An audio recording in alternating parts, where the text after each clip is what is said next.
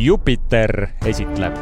stardime taas Planeet Hollywoodiga, et tuua teieni kõige uuemad filmiuudised, mõnikord ka lihtsad meelelahutuslikud uudised, muidugi ka nädala naelad ja selleks nädalaks on Saak kümme ja teiseks selline film nagu The Creator, looja.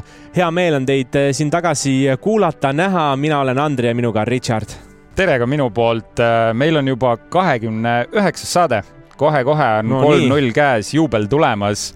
šampa ja... lahti täpselt nii. filmi, filmi, hea film taustaks peale ja, ja ega tegelikult ma hakkasin ka just äh, tagasi mõtlema ja selle peale, et äh, mida me teinud oleme, mis sarjadest, mis filmidest äh, rääkinud oleme ja, ja tänane mõte oligi, et võib-olla, võib-olla peaks veel tooma neid erinevaid striiminguid meile siia sisse, et oleme ju kinofilmidest palju rääkinud, aga eks, eks nende Hollywoodi filmidega on ka tihti see, et inimesed vaatavad neid hiljem või tagantjärgi või kodusest lihtsalt mugavusest.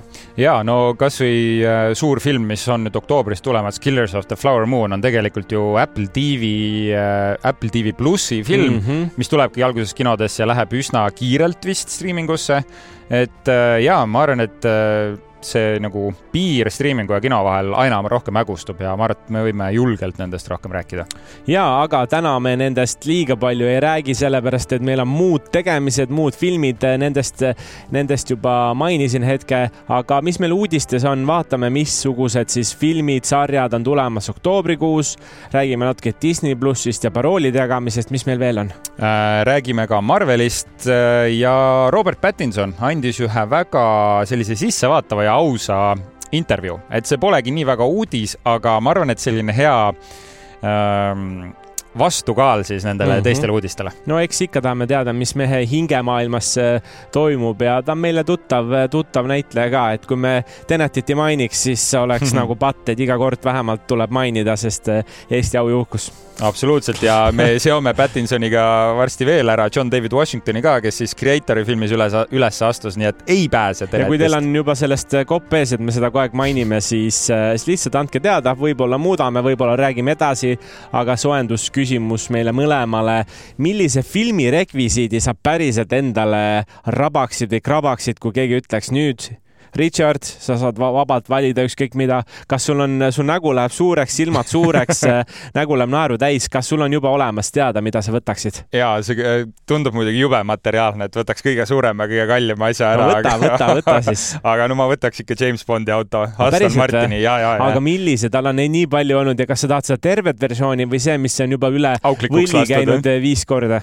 tead, ma valiksin äh, ikkagi selle kõige klassikalisema DB5 mm -hmm. mitte auklikuks lastud, aga ikkagi sellel, millel tulevad need kuulipildurid sealt. aga mis äh, filmis äh, näiteks on olnud, kas sul on kohe meeles ka? kasvõi No time to die Mm -hmm. ja seal seesama ähm, väljaku stseen siis, kus ta teeb seal kolm kuuskümmend, samal ajal tulistab pahalasi ja ja kusjuures selles filmis on veel üks väga lahe Aston Martin, ma ei mäleta nüüd selle mudelinumbrit, aga veel vanakoolikam Aston, aga see DB5 Aston Martin elevanthall James Bondi auto, see oleks minu esimene valik. aga ma lihtsalt ütlen ära, ega politsei sind sellega tänava peale ei luba, et kui sul need igasugused kahurid ja asjad seal peal on. Need pole päris ju. no mis asja, kunagi ei tea, võib-olla oled siin midagi lasknud panna, nii et ikkagi, kui, kui läheb sul auto ostmiseks või äravõtmiseks, siis käi seal tehnoülevaatuses ka üle, et siis on siis on kõik hästi, aga mina olen ka selles suhtes, ma ei mõtelnud materiaalselt, ma mõtlesin, mis oleks eepiliselt lahe ja kui ma saaksin elu suuruses, täissuuruses Ironmani rüü mm., selle päris rüü, mis seal oli näiteks äh, mõne uuema, uuema rüü, mis tal seal on ja ma saaksin näiteks displeina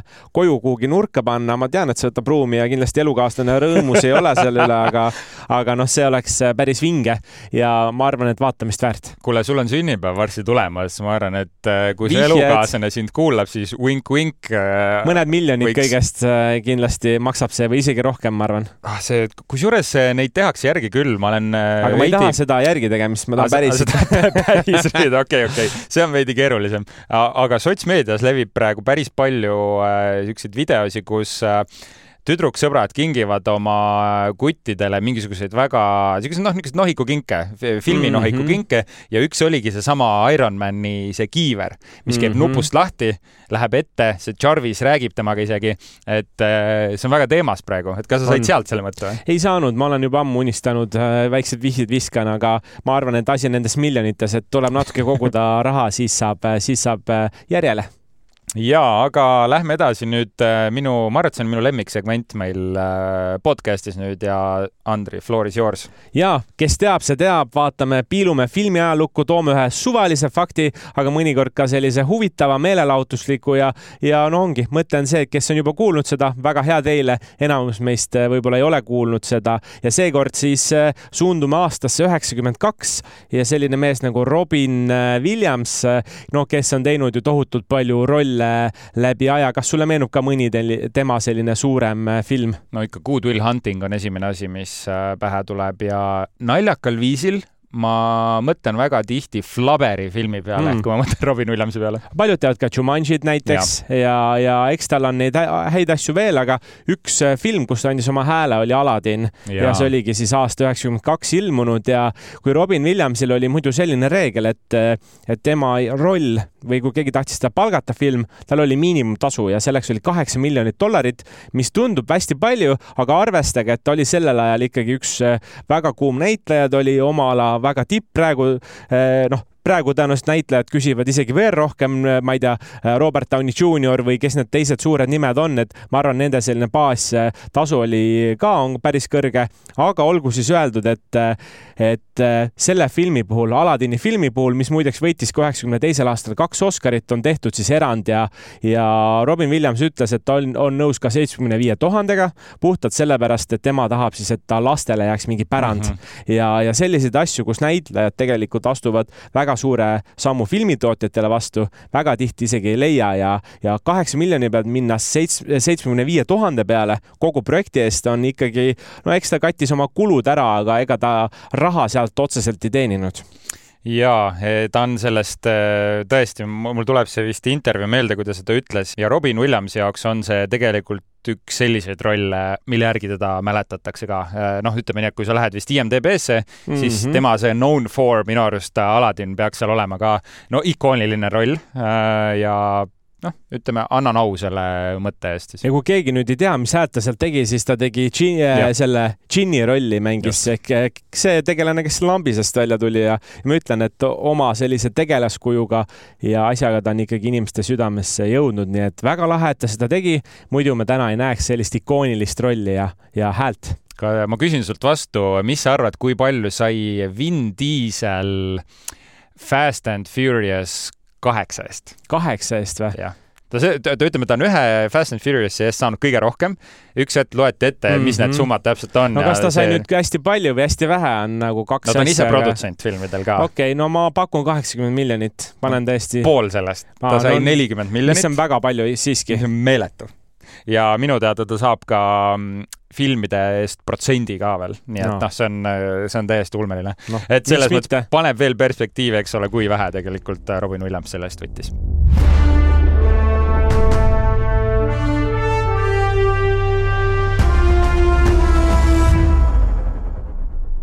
aga lähme nüüd edasi uudistega ja siin on meil ikka ikka kaks ja kaks uudist valitud, Andri on kaks valinud ja mina olen kaks uudist valinud, aga räägime ka ühest ekraanilegendist. enne kui uudistest räägime. see on lisa nii-öelda ja eks me Harry Potterit on paljud meist vaadanud, mõni rohkem, mõni vähem, aga selline tegelane nagu Dumbledore, noh, teda me teame vist kõik. ja Michael Gambon suri siis kaheksakümne kahe aastaselt au ja uhkus talle, väärikas vanus, no raske on mõelda Michael Gamboni peale ja mingi muu rolli peale kui Dumbledore, selles mõttes neid on. Äh, ta on teinud kaasa John Englishi filmides, äh, Kingsman The Golden Circle'is, King's Speech'is tegi kaasa, Open Range, The Book of Eli, aga no ikkagi need, äh, mis nad on vist, kuus, kuus või seitse Harry Potteri filmi, kus ta siis Dumbledore'ina üles astus ja tegi seda pärast Richard Harrist, kes oli esimeses kahes filmis mm -hmm. Dumbledore ja võttis ta üle samal põhjusel. Richard Harris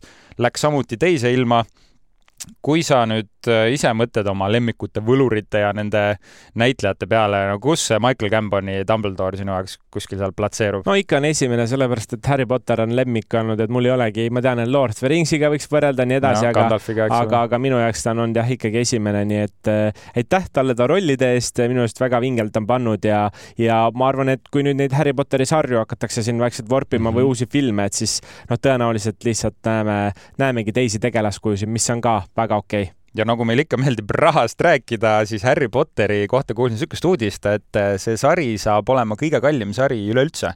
eelnevalt oli see House of the Dragoni sari ja nüüd Harry Potteri sari lööb selle põhimõtteliselt üle mm. -hmm. vist oli sada kakskümmend viis või sada viiskümmend miljonit äh, kokku see eelarve, nii et äh, Olmele, päris, päris korralik, aga lähme oma filmiuudistega siit edasi, see oli väikene meenutus ja tagasivaade ning alati kuu alguses või eelmise kuu lõpus vaatame siis, mis on selle kuu kõige säravamad naelad, mis üldse tulevad siis kinno või striimingutesse. ja kui nüüd võtta siit äh, vaikselt ette kinod, siis vaatame, mis seal on. kas kohe ilma, kui ma midagi ütlen, kas sulle meenub mingi selline film ka, mis, mida sa ootad väga? oktoobris või? Mm. -hmm. ja äh, eks ikka Martin Scorsese uh, Killers of the Flower Moon ja täpselt nii, see on, äh, see on tulemas, see on üks selliseid oodatumaid filme üleüldse ja kohe ütlen kuupäeva ka, selleks on kakskümmend oktoober on ametlik siis, ametlikult kinodes, e-, eellinastused on ka, aga, aga ma ütleks, see on üks selliseid suuremaid filme tõesti. Leonardo DiCaprio on peaosas ja, ja ma tean, et see on kolm tundi kakskümmend viis minutit pikk, nii et tõeline ootamine on, aga häid asju on veel. kõikidele, kellel meeldivad Eesti filmid, siis Vigased pruudid alates, alates kuuendast oktoobrist, see on juba siis sellel nädalavahetusel ametlikult kinodes on.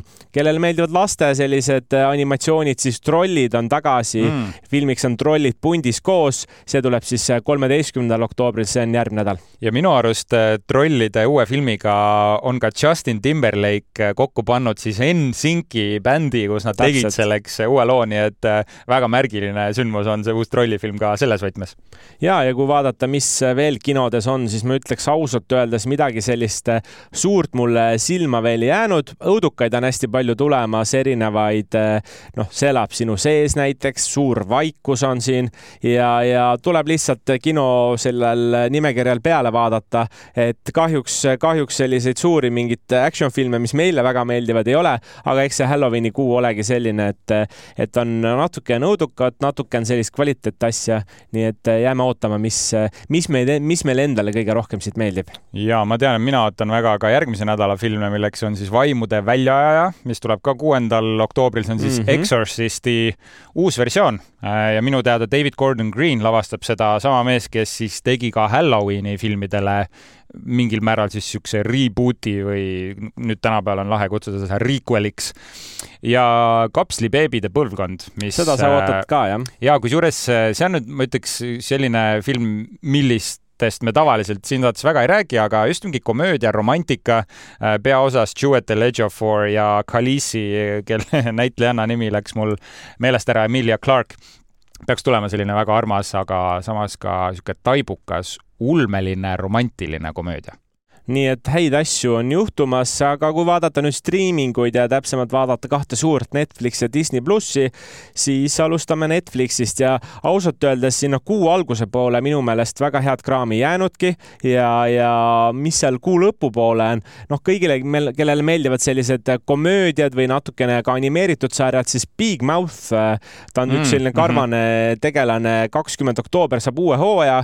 kõigile, kellele, nagu ma ütlesin, meeldib selline natukene must huumor, kvaliteetne huumor, siis, siis seda on seal näha ja kuu lõpupoole, kakskümmend neli oktoober Justice League tuleb äh, Netflixiga, kui te arvate, et see vana suur film, siis ma ütleks, see on animeeritud versioon lastele.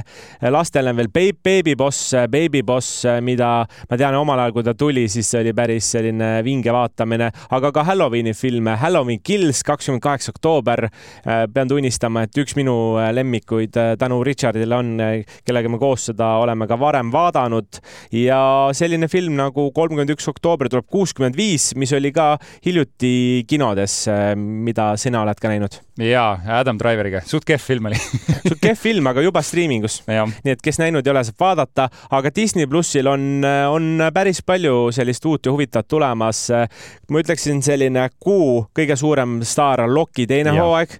mina väga ootan, kui ma ütlen üldse Disney need sarjad, mis vahepeal tehti erinevad, siis see oli nagu selline võib-olla kõige, kõige kehvem minu jaoks äh,. Loki oli kõige kehvem. Äh, Loki oli kõige parem mm, -hmm. tahtsin öelda, teised olid natuke kehvemad, mina väga ootan seda. siis äh, selline film nagu Haunted Mansion, mis on see Disney uus äh, õuduka film, mis ka alles kinodesse jõudis mingi kuu aega tagasi äkki oli alles meil kinodes ja, ja tundub, et sellel ei läinud kassa, kassatulu mm -hmm. väga hästi, nii et nad tulevad juba neljas oktoober sellega välja.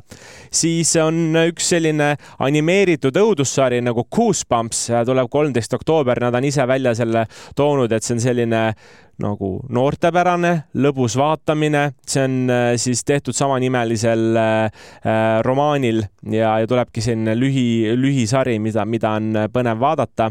ja üheksakümmend viis aastal on ka seda muideks tehtud mm, -hmm. nii et see ei ole nagu, nüüd ta on uus, aga kunagi on seda Disney ka teinud tegelikult ei ole lühisari, kümme osa tuleb, see on ikkagi täis tavapikk, iga nädal äh,, alguses tuleb viis osa korraga ja siis hakkab iga nädal tuleb otsa, nii et põnev, põnev vaatamine ja lõpetuseks mis veel striimingus on, siis äh, kakskümmend oktoober tuleb selline film nagu või sari Werewolf by Night in Colors, et äh, Disney jälle ise välja toonud, et see võiks olla midagi, mis on vaatamist väärt, mis on põnev, teinekord me isegi väga palju ette vaat ei oska öelda, sest ise ei ole, ise ei ole seda näinud.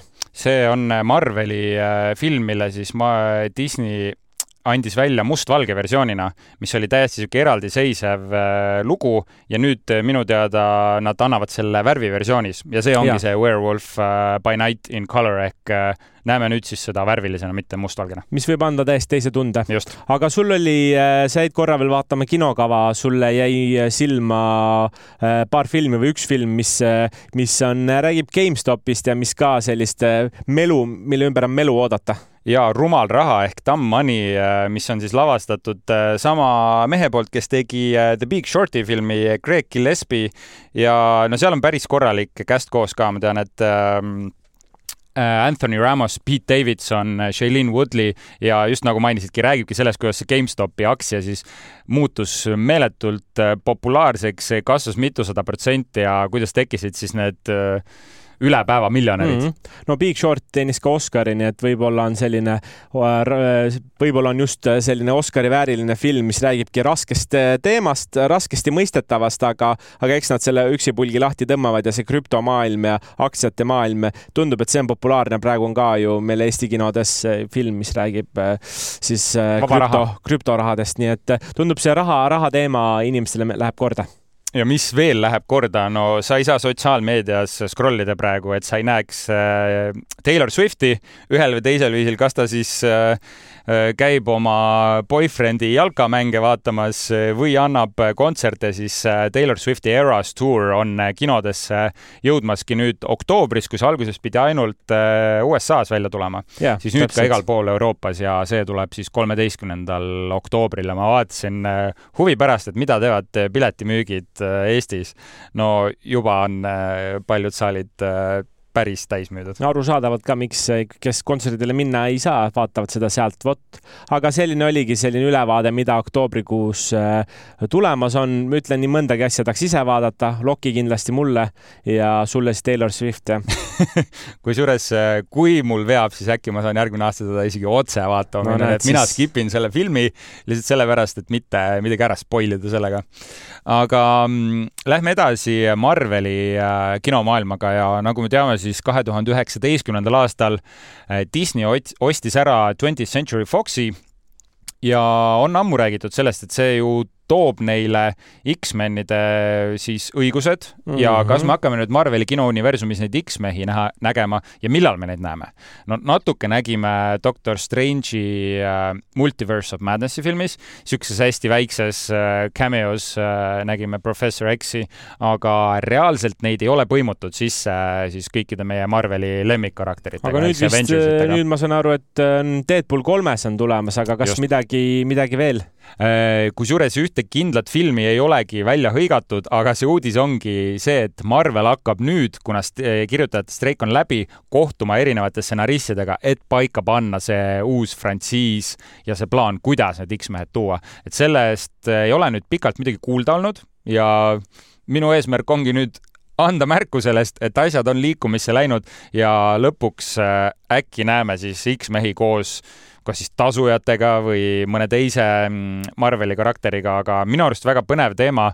ma ei kujuta ette muidugi, kuidas nad mahuvad kõik sinna ühte liivakasti mängima, sest X-mehed on ju täitsa omaette frantsiis, kui ta oligi Twentieth Century Foxi käes, see ongi niisugune suur tiim, kus on kõik need äh, mutandid koos, et kui me nüüd segame nad äh, Marveli omadega veel kokku, siis läheb see päris noh väga palju on neid karaktereid. ma arvan, et seal ongi see asi, et on vaja tasujatesse uusi liikmeid ja on vaja selliseid tugevaid karaktereid ja, ja neid on kindlasti X-meeste seas ja eks see ongi see, et kui tuua natuke neid ekraanile, siis saab juba teha jälle eraldiseisvaid filme ja, ja tegelikult Wolverine'ina on ju järjekordselt üles astumas üks ja sama mees Hugh Jackman. Hugh Jackman ja Hugh Jackman äh, võib väga palju juurde anda, et tema on midagi sellist raudvara ja, ja kuna ma sain aru, et Deadpool kolmes ka ta Just. üles astub, siis tema võib olla hea sissejuhatus ja eks nad siis hakkavad paigutama, et tasujatele ka neid kangelasi on ikkagi nii palju ja, ja natuke nüüd parandan ennast, et tegelikult tasujate hulgas on nagu kaudselt mõni X-mees sees olnud läbi selle siis just, et need õigused on imelikult jaotatud, näiteks eh, Quicksilver,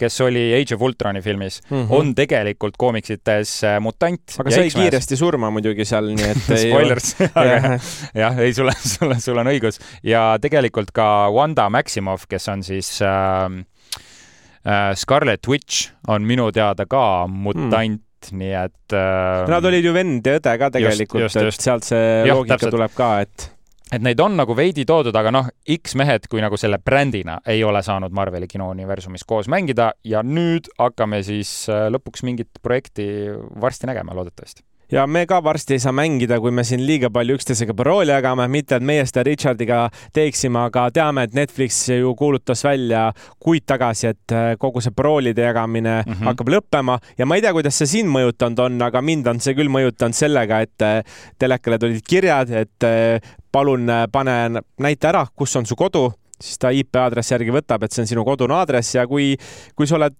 veel teisel igal pool mujal ka sisse logitud, siis mujal logib välja ja, ja nüüd mul on isiklik äh, Netflixi konto, nii et äh, see asi on tehtud, aga ma ei tahtnud sellest mitte rääkida, vaid sellest, et äh, Disney pluss on saanud ikkagi haisu niivõrd ninna, et, et esimesest novembrist juba osades riikides, õnneks meile see veel vist ei jõua, vähemalt ametlikult ei ole seda kirjas seal, aga lõpuks see jõuab, see võib olla ka kuude küsimus -hmm. ainult, kuna siis Disney plussi parooli jagamine lõpeb ka ära sellega, et tehakse süsteem turvaliseks ja ja, ja nii ongi no ütleme nii, et lõpuks teevad kõik äh, voogedastusplatvormid seda, see on loogiline, see te-, teeb, tekitab neile uut raha juurde ja noh, see, see ei ole küsimus, et see on, see on lihtsalt aja küsimus, millal lõpuks kõik platvormid on selle parooli jagamise ära lõpetanud. aga kas pead ka nüüd teise töökoha võtma, Richard, et kõik need asjad ära vaadata või, või, või oled sina see master kasutaja, kellel on nagu kõik hästi? jah, mina olen, mina, mul oli Netflix äh, ja ka Disney pluss, no mul on mitu, no mul on see maksimaalselt kõik äh, kasutajad peal olnud ja siis, kui Netflix sellest teada andis, no siis mul päris mitu sõpra kirjutasid, mis, mis on, mis on, kas ma muutsin parooli ära, et miks enam vaadata ei saa. et minul oli hästi, aga teistel läks, läks nukravalt no eks see ongi, äh, nagu sa ütlesid, täiesti arusaadav, aga olge siis teadlikud, et äh, vaadake ruttu kõik asjad ära, uusi asju te muidugi ei näe, aga, aga minu arust Disneyl oli ka praegu pakkumine, eripakkumine kaheks kuuks äh, väga hea hinnaga, nii et, et lihtsalt silmad lahti hoida ja, ja kuidagi saab. Ja lähme Disney plussist äh, Robert Pattinsoni juurde, mees, kes on Eestis käinud, kellega meie oleme õlgu kokku kõrrunud ja andis siis äh, väga ausa intervjuu, kus avas oma hirmu ning ütles, et tal on sügav hirm, et teda alandatakse äh, natuke võib-olla vaatame sisse ka, miks ta seda rääkis ja mis teemal. arusaadav ja..., eks ta Batman'i ajast ei jäänud sisse. Batmanil ka vanemad äh, kahjuks äh, saadeti ära ja siis mehel on jäänud selline ärevus sisse no võib ka sellega seonduvalt olla, aga üldiselt küsit-, küsiski intervjueerija temalt, et mille järgi ta oma rolle valib ning kui kaalutletult ta seda teeb ähm, ja äh, Pattinson ütleski, et äh, kui ta teeb neid suuri filme, eks ole, nagu ta ongi videvikust äh, tuntud, tegi ta ka Batman'i, siis tegelikult meeldib talle väga just indie-filme teha. Ja need siis on äh, filmid, mis ei ole st suure stuudio poolt äh, toetatud, mis on äh, pigem erainvestorite poolt investeeringud saanud aga ütles ka seda, et nendel ka on, kui nad saavad üldiselt kriitikute poolt väga head tagasisidet ja see on see, kus ta saab näitlejana siis tõesti särada, viia ennast uutesse, uutele maadele, siis ta saab ka aru, et neid filme tõesti, no rahvas ei vaata neid. Ja need ei saa piisavalt äh, vaatajaskonda ja see ühtlasi seab ka ohtu siis näitleja karjääri, eks ole mm, -hmm. kui sa ei ole piisavalt palju suurtes filmides, siis sind vaikselt hakatakse unustama, et see ongi see kuulus ütlus Hollywoodis, et one for, one for them, one for me mm. -hmm. ja siis ta andiski mõista, et äh, kui ta valib neid rolle, siis ta peab olema suuteline täielikult pühenduma sellele rollile, et tema puhul selline asi, et ta lihtsalt tuleb, teeb midagi ära, mis paljude näitlejate puhul ilmselt on tõsi ja üldse ei äh, mõista hukka neid, siis tema peab tundma ennast täiesti turvaliselt selle karakteriga, sest nagu ta mainiski, tal on sügav hirm, et teda alandatakse. et äh, see on äh, noh, võib öelda, et võib-olla selline näitleja siis taak, mida ta peab kandma mm, -hmm. eks ole, et seal on kindlasti mingid ebakindlus ja ega, ega Pattinson on teinud ju ka korraliku rollercoasteri läbi. just, ega avalikkus ju teda väga ei fännanud, kui ta seal videofilmides no ma arvan ka, et see videoviku asi oli talle tegelikult pani põntsu ja pärast seda oli hästi raske välja tulla, nii ka Harry Potteri staaridel, et teed ühe suure frantsiisi ära, ma ei tea, teed seitse osa või no okei okay,, videoviku puhul natuke vähem, aga mm, -hmm. aga ikkagi inimesed tunnevad sind kui ühte rolli ja seda vahetada, eks, eks seda on ta korralikult maha pesnud ja ma arvan, ta on nüüd puhas ka.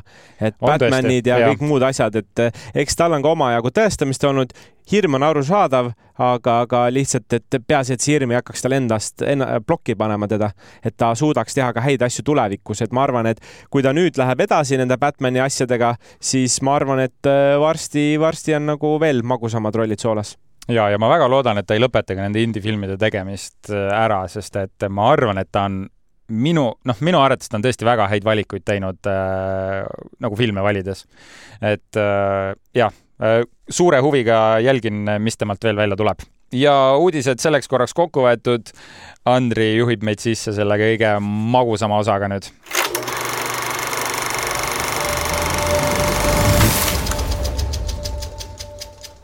ja nädala nael, nädala naelasin kaks tükki, üheks on looja The Creator'i film ja teiseks on Saak kümme.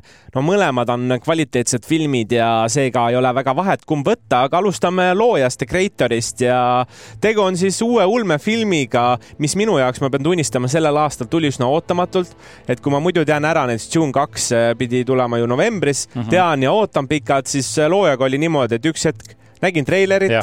kinos ja olin okei okay see on väga tõsiseltvõetav film, treiler oli eepiline, aga millest see räägib? ja aasta on siis kaks tuhat seitsekümmend ja inimkond on sõjas tehisintellektiga ja seal ei ole siis ähm, päris nii lihtne, nagu me oleme tavaliselt filmides harjunud nägema, et on siis tehisintellektid versus inimesed, vaid leere on mitmeid. osa maailmast siis elab äh, sümbioosis äh, tehisintellektiga ning osa maailmast tahab nad täielikult eemaldada ja USA on üks nendest riikidest, kes on siis sõjas nendega ja on võtnud eesmärgiks äh, tabada siis tehisintellektide juht ja hävitada nende salarelv Joshua on siis üks nendest inimestest, kes saadetakse seda relva hävitama ning eh, kui ta avastab, et relvaks on hoopis tehisintellektist laps, hakkavad tema lojaalsuse piirid hägustuma ja Joshua ja selle tehisintellekti, kelle nimi on Alfie, eh, üritavad ära hoida koos siis suuremat sõda ja hävingut no ja... sa võtsid väga hästi põhimõtteliselt terve filmi kokku ka ära, et eh, ma arvan, et täpselt selline see ongi. nagu et, et just see, et, et tegelikult läbilõikeliselt võib-olla, võib-olla ei tundu seal midagi nagu mega uut. treiler ütleb päris palju ära mm, -hmm. see mhm. sisukirjeldus ütleb palju ära, aga ma ütleks, et see on selle filmi võlu ja valu korraga ja täpselt nii. enne kui veel läheme oma arvamuste juurde, räägime natuke ka tegijatest. lavastajaks on selline mees nagu Gareth Edwards, kes on varasemalt teinud selliseid filme nagu Godzilla ja Rogue One, Star Warsi film ja näitlejad siin filmis John David Washington Äh, Ken Watanabe, kes on Last Samuraist äh, kuulsaks saanud. Äh, selline tüdruk nagu Madeline Yuma, Yuna Voiles, Gemma Chan ja Alison Janney. kui nüüd filmi juurde minna, kuidas sulle see film meeldis, sest ma arvan, et meil on natuke erinevad arvamused sellest no vot, mul ongi, kuna ootused olid üsna madalad, nagu ma ütlesin ka, et minu teadvusesse jõudis see suht hilja mm -hmm. ja ma mhm. veel nägin enne seda kinno minekut ka seda, et selle filmi kogu eelarve oli kaheksakümmend miljonit, mis praeguse seisu kohta, aja kohta on ikkagi ülivähe. et tavaliselt sellised suuremad filmid, noh, nad võtavad sada viiskümmend miljonit minimaalselt, siis mu ootused olid üsna madalad ja ma pean tunnistama, et kuigi see treiler ütles palju ja see sisukirjeldus ütles ka minu jaoks juba natuke eh, liiga palju, siis mm, -hmm. siis mul, minu meelest oli väga nauditav, et seal võib-olla see kogu film oli suunatud just sinnapoole, et teha siis selle vähese rahaga võimalikult palju, mis tähendas, et dialoogi oli võib-olla rohkem kui action'it. et kui, kui nüüd keegi arvab, et seal on hullult palju action'i, seal on, seal toimub ka mm -hmm. asju, aga, aga ta ei ole action film, ta on, ma ütleks, draamafilm ennekõike ja, ja sellepärast ta mulle võib-olla meeldiski. ma ei tea, kuidas äh, sinu mõtted on? kusjuures ma olen täiesti äh, vastaspoolel sinuga selle osas, et minu ootused olid äh, ülimalt kõrgel. see film tõesti tuli üsna ootamatult, kui see esimene treiler paiskus internetti, aga sellest filmist hakati päris kiirelt rääkima, et see on üks selle aasta parimaid filme, see on viimase kümnendi üks parimaid ulmefilme ja ma läksin mm -hmm. väga suurte ootustega mind vedas natuke alt see film selles vallas ja ma ütleks, et see lugu ise, nagu sa mainisid ka, see lugu ise on no üsna etteaimatav, aga ta on väga hea sõnumiga. ja just, just rääkis sellest, et kuidas inimkond ja tehisintellekt on põhimõtteliselt nagu kohad ära vahetatud mm, -hmm. et inimkond on nüüd see, kes on niisugune robotlik ja ainult ühele siis väga ahnele eesmärgile orienteeritud. inimesed kogu aeg sellised olnud. no vot jah, aga vaata filmides me oleme pigem vastupidi no,, terminaatorid on need niisugused mm -hmm. tapamasinad, eks ole, inimesed on need äh, nii-öelda head pooled et siin just näemegi, kuidas inimene on ise loonud siis selle isemõtleva roboti ehk tehisintellekti ja see tehisintellekt on läinud mööda emotsionaalselt äh, ja ka intellektuaalselt. Ja justkui jah, et kas siis intellekt, tehisintellekt on inimlikum kui inimene. See on see küsimus, mida ta püstitas, mis oli väga hea sõnum aga, aga see teostus. aga kas see äh, oli sõnum, et siin ma võib-olla selles suhtes debateeriks vastu, et äh, minu meelest äh, see oli, ta point oli küll poolte valimises, aga mm -hmm. point ei olnud see, et kõik inimesed olid sellised, ikkagi minu arust see jõuab sinna kapitalismi nagu põhitavadele, et need, kes seda pulti juhivad, need otsustavad, vahet ei ole, kas rahvas tahab või mitte, sest minu arust seal filmis oli hästi välja toodud, et olid siis tehisintellekt oli, siis olid inimesed ja siis olid ka hübriid tegelikult, et osad inimesed kasutasid, ma ei tea, käsi näiteks oli mm -hmm. juhitav, mida iganes et äh, mulle tundus, et, et lihtsalt otsiti ühte oinast ja tehisintellekt pandi selleks oinaks, et, et, et rahv, tavarahvas teinekord ei tulnud isegi sellega kaasa, aga noh, see näitab ikkagi tänapäeva maailma ka, et suured riigid otsustavad, suured poliitikud Just. otsustavad, et, et tihti rahvast ei kuulata ja seda oli minu arust seal näha, aga, aga võib-olla äkki see oligi asi selles, et see ootus oli nii lihtsalt nagu suur ja selle võrra oli ka kukkumine valus, et ma hakkasin muideks mõtlema selle peale täna just seda, et, et väga palju filmi selline nagu kas see meeldib või mitte, sõltub sellest, et mis ootus on. et ja. Eh, tihti on ikkagi seda, et kui null ootus on, no siis on see, et vahet ei ole või oli väga hea, aga teistpidi on ka, et muidugi on ülihea variant see, et kui lootus on kõrge ja film on ka hea, no siis see ekstaas on nagu metsik, et. Eh, avatar näiteks. et eh, Avatar on üks neid kindlasti näiteid ja neid filme veel, ma arvan, et Oppenheimer ka suvel ja, ja. Barbi olid mõlemad ka sellised filmid, aga, aga ma ikkagi teeksin, teeksin pai ja ütleksin, et kui siit tuleb teine osa mida ma veel ei tea, aga ma ütlen, potentsiaali nagu on ja kui nad saaks ka suurema eelarve, siis saaks ta veel rohkem kerida, et, et, et kindlasti ma arvan, ta oli samm õiges suunas. kas ta oli selline, et ta võidab Oscari, ma arvan mitte, aga teema oli väga-väga köitev, just see tehisintellekti osa, meil on ju praegu ka chat-GPT, Midjourney, kõik, kõik asjad olemas, et paneb inimesed tõenäoliselt mõtlema. Jah, mõtlema ta pani, aga see teostus oli see, mis minu jaoks kuidagi alt vedas ja kui ma lähen nüüd täitsa spetsiifiliselt, spetsiifiliseks, siis äh, näiteks minu arust kohati oli monteeritud see film natuke veidralt, kuidagi need nagu kaadrite vahetuskohad nagu ei olnud loogiliselt, et nagu mingi, mingisugune tegevus või mingi kaadri jäi natuke liiga pikalt kuidagi paika, mingi hetk siis kuidagi jälle lõpetas väga kiirelt äh, mingi teatud stseeni ära. Äh, aga mida tuleb väga kiita, on Hans Zimmeri muusika, mis on noh, ma, ma ei ole siiamaani ühtegi halba muusikalist teost Hans Zimmerilt saanud, siin ka no mees tõi, tõi selle võidu äh, sellega koju, aga kui minnes nüüd tagasi jälle selle poole, mis väga ei meeldinud, siis äh, minu arust John David Washington ei ole väga hea näitleja päriselt või? ma ütlen nii julge lause. täna nii kriitiline kuidagi. ma ütlen, vot ja mulle väga meeldib ta filmistaarina mm. -hmm. talle sobib ülihästi siukse, ongi siuke peaosalise roll, kus ta on ähm, noh, selline füüsiliselt võimekas, selline nägus peategelane, aga tal puudub mingi teatud empaatiavõime, ta nagu ei seo emotsionaalselt mm -hmm. mind ja selle filmi nagu edasiviiv jõud on just äh, siis äh, John David Washingtoni ja Madeline Yuna Voilsi vaheline side. et äh, kui nüüd vaadata seda tüdrukut, Madeline'i, tema oli fantastiline. ma ei ole oli. lapsnäitlejat ammu näinud nii hästi näitlemas. iga stseen, kus ta oli, kus mul oli vaja tunda midagi, ma tundsin seda nii tugevalt, et mul hakkasid pisarad voolama. kui mul oli vaja naerda, ma naersin temaga.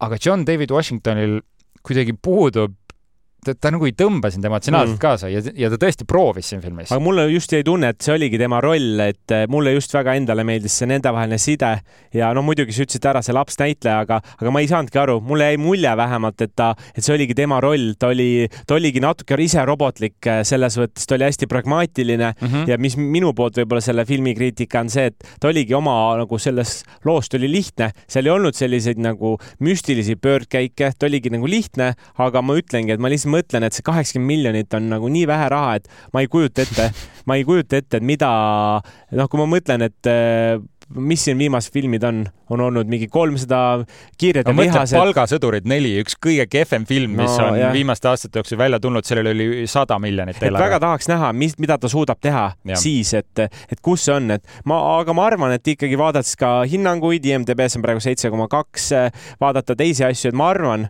et ta ikkagi teenib selle raha ära, kuigi siin avanädalavahetus kodu, koduriikides on just äh, võib-olla kehvem olnud, siis Aasia turgu oodatakse väga, et ta võib sealt ära tuua ja, ja noh, eks ta peab siin kakssada miljonit vähemalt teenima, mis avanädalavahetus siin oli, ma vaatasin, mingi nelikümmend miljonit ta oli mhm. teeninud, et aga ma arvan, et Aasia turg just sellepärast, et seda Aasia teemat on ka seal väga palju sees. On küll jah, ja see, see, see, need ongi huvitavad pooled seal välja toodud, et USA on eh, nii-öelda see paha pool siin ja täpselt need Aasia riigid on need äh, siis palju no positiivselt meelestatud. just, positiivselt meelestatud, aga noh, et mitte muutuda liiga negatiivseks, siis tegelikult mulle väga seda tüüpi filmid meeldivad. Ja mulle just meeldivad sellise keskmise eelarvega filmid, nagu ka see on. Ja ma isegi, ma ütlen, mulle nagu veidi võib-olla meeldib see, et see ei olnud üle saja miljoni, sest et no siis, siis läheb jälle võib-olla natuke liiga efektseks see film ja muutub niisuguseks liiga ülevoolavaks, et, et selles mõttes mulle nagu meeldis, et oli mingi teatud äh, eelarveline piirang sellel, sest ma arvan, et see võib paneb ka režissööre ja stsenariste natuke leidlikumalt mõtlema. ja mm -hmm. ma mhm. väga loodan, et seda tüüpi filmid jätkuvad. lihtsalt selle filmi haip oli liiga suur minu jaoks aga ma, kui ma peaksin seda filmi nüüd äh, soovitama kas äh, vanaemale, sõbrale või väiksele vennale, siis ma ütleks, et tegelikult ta võiks kõigele kolmele sobida ka vanaemale. aa ah,, okei okay., ma just, muidugi mulle film meeldis selles suhtes, aga mina võib-olla soovitaksin seda kõige rohkem oma sõbrale, sest ma arvan, et mm -hmm. sõber saaks kõige rohkem sisuliselt aru. ma arvan, et noored, võib-olla lihtsalt lõbus vaatamine, aga just, et tabada ka seda mõtet tehisintellektist. võib-olla neile ma ei soovitaks, vanaemale ka mitte. ma arvan, vanaemale midagi lõbusamat, lihtsamat ja, ja võib-olla väiksele vennale ka, aga, aga sõbrale kindlasti ütleks, et mine vaata ja, ja täpselt nii ongi, jah ja lähme edasi nüüd äh, millegi palju õudsamaga. Äh, sae kümnes osa on äh, kinodesse jõudnud ja seda oled, Andri, ainult sina vaatamas käinud, nii et. ja no tegu on vana hea, võib-olla võiks öelda, draama õudusfilmiga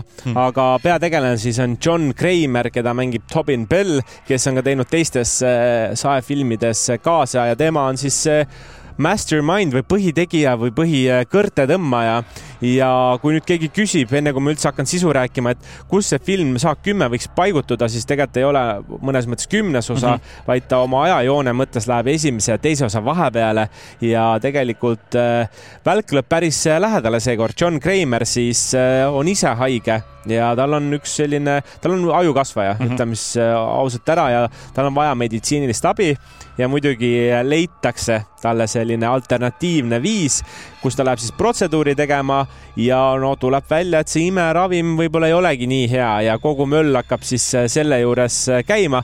keegi, kes ei ole näinud üldse, millest see saag nagu koosneb, mis see film on, no siis ta on ikkagi selline kurja kuulutav piinamisfilm mm, -hmm. kus näeb kindlasti ka sellist äh, verd, natuke rõvedust, et ta on pigem klassikaliselt rõvefilm, kui on väga õudne, et väga selliseid jump scare'e või hüppamise ehmatuskohti küll ei olnud, et seda, seda kartma ei pea, aga, aga jah, seekord ainult siis uued tegelased, uued pahategelased ja need, need inimesed pannakse proovile. ma saan aru, et need pahategelased on siis, tähendab see nii-öelda protseduur lubab, et ta suudab terveks ravida, tegelikult lasevad ta üle ja siis Kreimer hakkab nendele justkui kätte maksma, eks ole? no põhimõtteliselt jah, on, on täiesti arusaadav ja miks selle lause võis välja öelda, sest äh, nende filmide keskeks ongi need mängud, mida inimesed mm -hmm. mängivad seal ja see piinamisefekt, et äh, see on tõesti selline nagu rõve nagu mõnes mõttes on see rõve piinamine, aga miks see võiks inimestele meeldida, ta on ka huvitav, need mängud on ju huvitavad, mida, mis katseid pannakse need inimesed tegema ja, ja selle üle, mida nad siis ka päriselt nagu teevad. väga tihti on see loogika see, et sul on mingi aeg mm -hmm. ja selle ajaga pead täitma selle ülesande ja kui sa ei täida, siis sind tapetakse ära või nagu mitte ei tapeta, vaid masin lihtsalt, sest ta on ise öelnud, John Kramer on siis öelnud, et tema ei ole see, kes äh, inimesi üldse tapab, vaid äh, tema on see inimesed, kes tahab inimesi, ta on nagu coach, ta on tänapäeva coach, kes mm. siis paneb ta lihtsalt valikute ette ja, ja tahab inimesi paremaks teha. ta karistab ainult inimesi, kes on halvad, äh, et ta ei karista häid inimesi ja vastavalt sinu sellisele isikuomadustele, kui halb inimesed oled olnud, ka vastavalt selline katse et tavaliselt on see seotud väga selle inimese nagu tegevusega. Ja, ja sellest see rääkiski. niisugune nagu õigluse ratsanik, selles mõttes väga huvitav tegelane, eks ole, ta ei ole hea, ta ei ole halb, ta on kuskil seal vahel, no okei okay,, tegelikult, tegelikult okei. okay,, no tegelikult on päris halb, eks ole, ja ei, ei saa ikkagi äh, valetada, aga aga siis noh, inglise keeles öeldakse nagu torture porn selle kohta, et kuidas sul oli, kas popkorn püsis sees, võttis nagu reaalselt füüsiliselt kuidagi reageerima või oli pigem noh ei no neid rõvedaid äh, kohti ikkagi oli ka päris palju, et, äh, et mis seal oligi, no kui inimesed ikka lähevad enda kallale mingite puuride värkidega, et mm -hmm. no nutma ma ei hakanud, aga silmad ikka pöörasin ära. paha ka ei hakanud, aga pigem selline, et mõned kohad ikkagi, no kui sa üldse pead ära keerad, siis võib-olla tasuks mõelda, et mida sa elus, eh, mida sa elus teinud oled, et võib-olla tasuks keerata, aga ta ei ole ka, ma ütlen, et see ei ole selline film, mida peab ilmtingimata kodus eh, ainult vaatama, vaid kui sa ikkagi mõtled, et tahaks õhtul kinno minna, ma arvan, et see meeleolu on hästi oluline, et minna päisepäeva kell kaksteist seda vaatama, noh siis ta ei anna sedasama tunnet, et seda peabki vaatama, ma arvan, õhtupoole, eks ta ikka paneb nagu mõtlema selle üle ka, et mida inimesed teevad. Ja seal filmis vähemalt selle üle ka, et, et tegelikult selliseid äh, petjaid või pettureid, kes mm -hmm. määrivadki mingeid asju pähe, on ikkagi väga palju. Ja kui professionaalselt seda tehakse, no imeline olge siis, olgu siis see film õppetunniks kõikidele petturitele, et äh, John Kramer leiab teid üles. ja lastele seda muidugi ei soovitaks, ma arvan, et see ei ole lastefilm, kindlasti on lapsi, kellele meeldivad sajafilmid, noh, siis äh, omal vastutusel vanaema mul ka sellest midagi näha tõenäoliselt ei tahaks, aga, aga sõbrale küll soovitaksin, ma küsiksin sõbra käest, hei, nüüd on ju oktoober on äh, Halloweeni kuu, mis sorti filmi sa tahad näha, kas sa tahad õudusfilme vaadata, kus on kummitused, sa tahad, kus oleksid selliseid hüppeehmatusi, sa tahad vaadata midagi, kus on sellist nagu slasheri taipi, kus inimesi nii-öelda äh, lüüakse maha? Või sa tahadki vaadata sellist äh, see on nagu mentaalselt või psühholoogiliselt võib-olla raske et see on nagu selle filmi võlu ja ma lugesin ka mingeid arvustusi, kus on öeldud, et see on seeria parim film. no seda ma, ma ei, kahjuks ei ole kõiki filme näinud, praegu selle hinne on seitse koma kaks IMDB-s mm., mis on suht kõrge.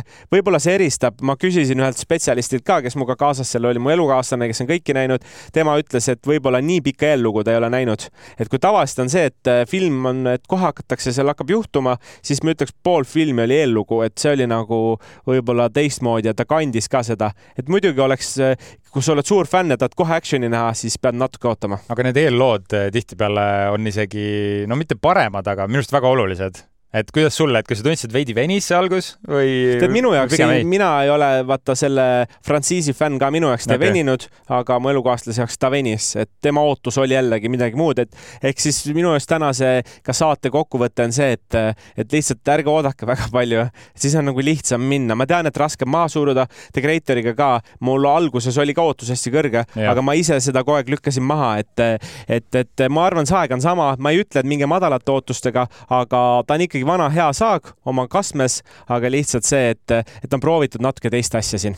kui sa nüüd äh, peaksid äh, valima kas sa lähed kinno vaatama Creatorit või Saak kümmet? ma tean, et need on väga erinevad mm -hmm. publikud, siis kumma filmi sa ikkagi valiksid? ma arvan ikkagi see Creator looja mm. -hmm. ma arvan, minu jaoks lihtsalt ikkagi oli üsna hea film sellel aastal.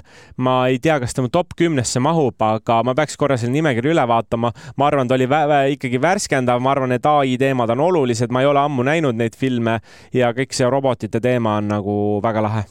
Ehk siis Creatori valin mina. hea valik, äh, selleks korraks nädala naelad kokku võetud ja astume nüüd Jupiteri nurka, et anda siit äh, mõni hea soovitus